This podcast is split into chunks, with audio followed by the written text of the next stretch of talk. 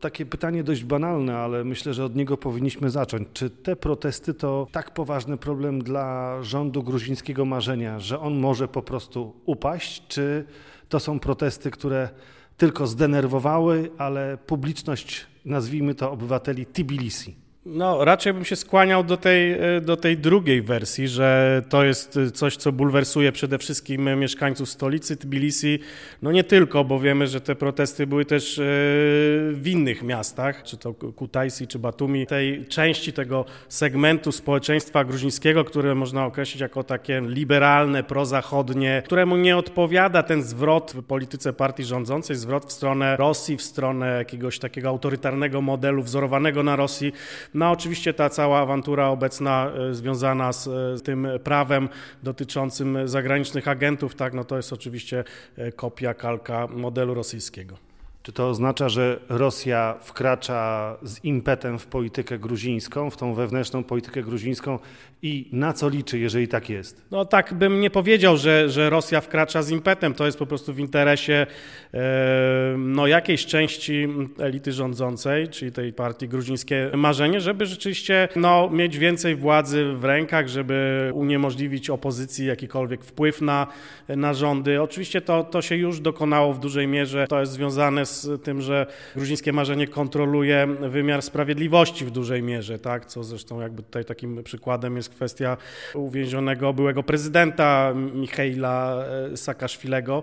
E, no ale oczywiście te prawo, takie dosyć drakońskie prawo wzorowane tak naprawdę na, na, na Rosji, no ono tutaj rzeczywiście może znacząco zmienić sytuację, ponieważ odetnie organizacje e, pozarządowe od, od finansowania z zagranicy, czyli tak naprawdę z zachodu.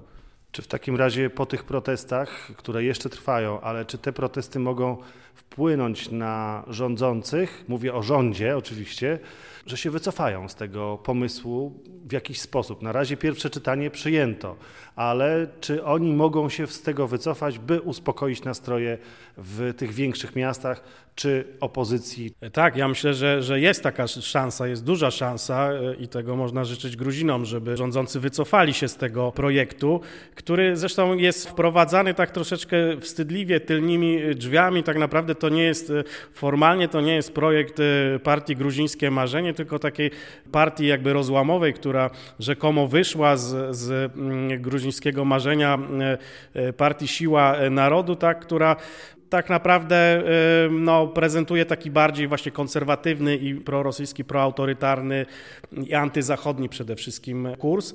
No ale wielu tutaj obserwatorów twierdzi, że to nie był prawdziwy rozłam, tak, że specjalnie ta grupka deputowanych gruzińskiego marzenia odłączyła się po to, żeby właśnie głosić tego rodzaju hasła, sądować społeczeństwo, jak ono na to zareaguje, z tego względu, że samo gruzińskie marzenie jednak obawiało się, że takie otwarcie prorosyjskie e, poglądy i otwarcie antyzachodnie przede wszystkim no, mogą być jednak źle odebrane przez Gruzinów. Ale można powiedzieć, że gruzińskie marzenie od strony werbalnej nie jest całkiem antyzachodnie, ale jeżeli chodzi o rządzenie Gruzją i te relacje gospodarcze z Rosją, to jest im bardzo blisko.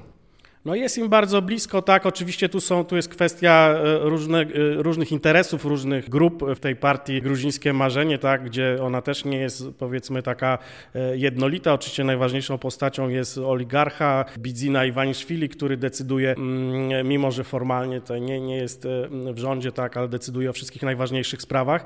Natomiast w samym gruzińskim marzeniu są i tacy, którym jest bliżej powiedzmy niż do Rosji, na przykład do Chin, albo, albo jednak bardziej prozachodni zachodni y, politycy. No jest taka nadzieja, że rzeczywiście to, to, to skrzydło prorosyjskie jednak nie zwycięży w tej sytuacji. A jak wygląda sytuacja gospodarcza? To znaczy, na ile gospodarka łączy Gruzję z Rosją? Na ile gospodarka e, kraju przecież mocno rolniczego e, jest e, tym punktem wyjścia, który należy rozumieć, biorąc pod uwagę poczynania partii rządzącej albo partii, która chce zdobyć władzę?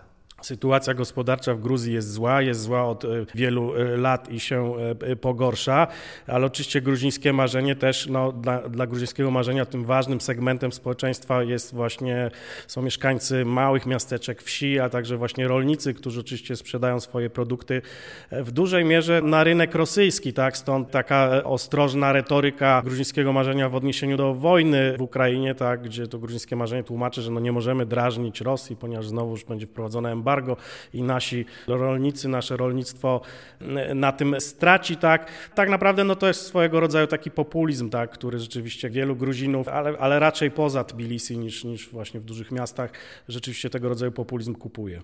Co w takim razie z rządem gruzińskiego marzenia? Bo z jednej strony ta propozycja o zagranicznych agentach wzburza e, liberałów, wzburza opozycję, ale tę opozycję wspiera pani prezydent, która przecież e, mówi, to nie bardzo się zgadzam z tym nowym prawem. E, pani prezydent, która należy do gruzińskiego marzenia, no i z tego co się mówi, to całkiem niedaleko jej do opuszczenia tej partii. Także ten rozłam w partii rządzącej, zarówno rządzącej w gabinecie, jak i w pałacu prezydenckim, jest chyba widoczny.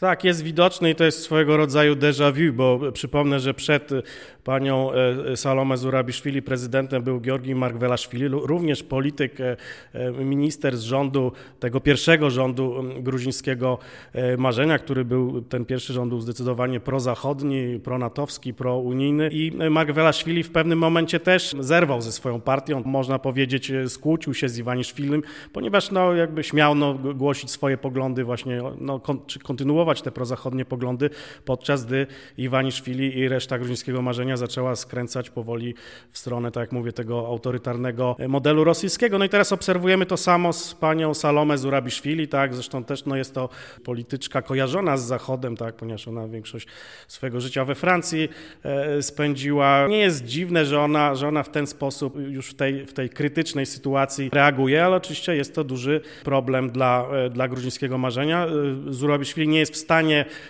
prawdopodobnie nie jest w stanie zablokować tego prawa, jeśli gruzińskie marzenie będzie się upierać, żeby, żeby je przegłosować. Natomiast no, jej głos oczywiście ma duże znaczenie. No dobrze, i teraz temu wszystkiemu przygląda się z zakrat. E, Michał Saakaszwili, czyli wielka postać gruzińskiej polityki i gruzińskiego zwrotu na zachód, jest w więzieniu oskarżony o dość banalne mm, przewinienia, jeżeli chodzi o aż taki wymiar kary. Głoduje, jest w złym stanie zdrowia, niektórzy nawet mówią, że może umrzeć.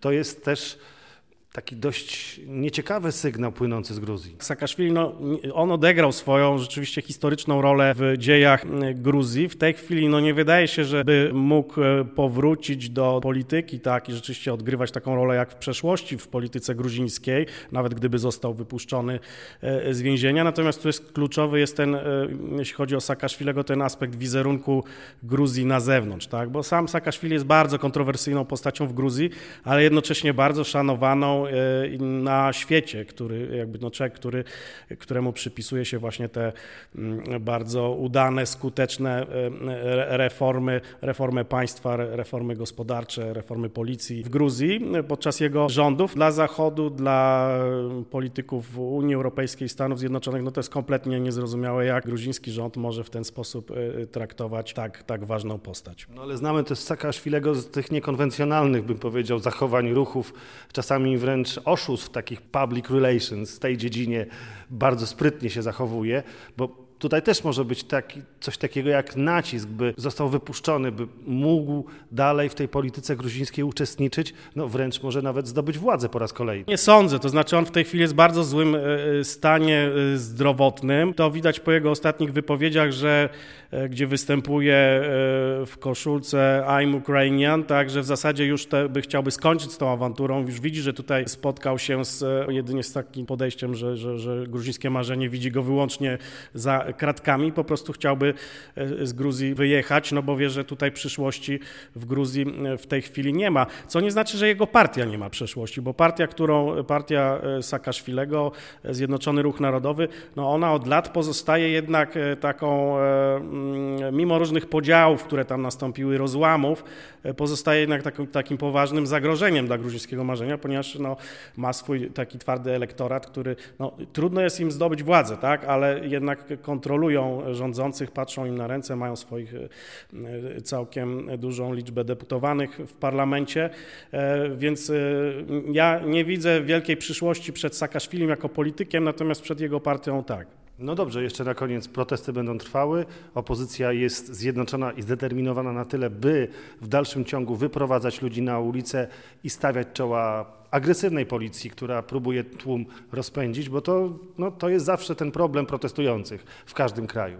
No tak, tutaj i to jest zawsze ten problem takich protestów ulicznych, czy znajdą się jacyś liderzy, przywódcy, którzy to dobrze zorganizują i tutaj ja w tej chwili, no to zbyt krótko to trwa, żeby, żeby powiedzieć, jak to, jak to się mm, rozwinie. Natomiast na pewno trzeba powiedzieć, że ci ludzie, którzy tam przychodzą protestować, to, to nie są wyłącznie zwolennicy partii e, Saakaszwilego, tak? To są często ludzie, którzy głosowali na gruzińskie marzenie, ale rozczarowali się tą partią e, i widzą, że no jakby prawdziwa twarz tej partii to jest jednak nie integracja z Unią Europejską, z NATO, ale jednak zwrot w stronę takich metod autorytarnych rządów jak w Rosji. No i nawiązując do tego, takim ikonicznym już zdjęciem protestów jest kobieta, która trzyma w ręku sztandar Unii Europejskiej, oblewana przez policję wodą z armatek wodnych w takich smugach gazu i to jest też to, co widzi świat zachodu. Tak, tak i to jest, to jest, wracam do tego punktu, że to jest y, bardzo y, niedobre z punktu widzenia y, sytuacji międzynarodowej Gruzji, bo być może tam te protesty jednak doprowadzą do jakiegoś wycofania się z mm, rządu z tego, z tego fatalnego pomysłu. Natomiast pewien sygnał dla Zachodu już poszedł, tak, i no już widzimy od, od zeszłego roku, tak, że Gruzja, która kiedyś była liderem na obszarze tym postsowieckim, jeśli chodzi o integrację z Unią Europejską, no w tej chwili jest daleko e, z tyłu za, e, za Ukrainą i Mołdawią, tak, no i to rzeczywiście e, właśnie tę liberalną, miejską część społeczeństwa gruzińskiego bardzo w tej chwili boli. Konrad Zasztoft, Uniwersytet Warszawski, dziękuję bardzo. Dziękuję bardzo.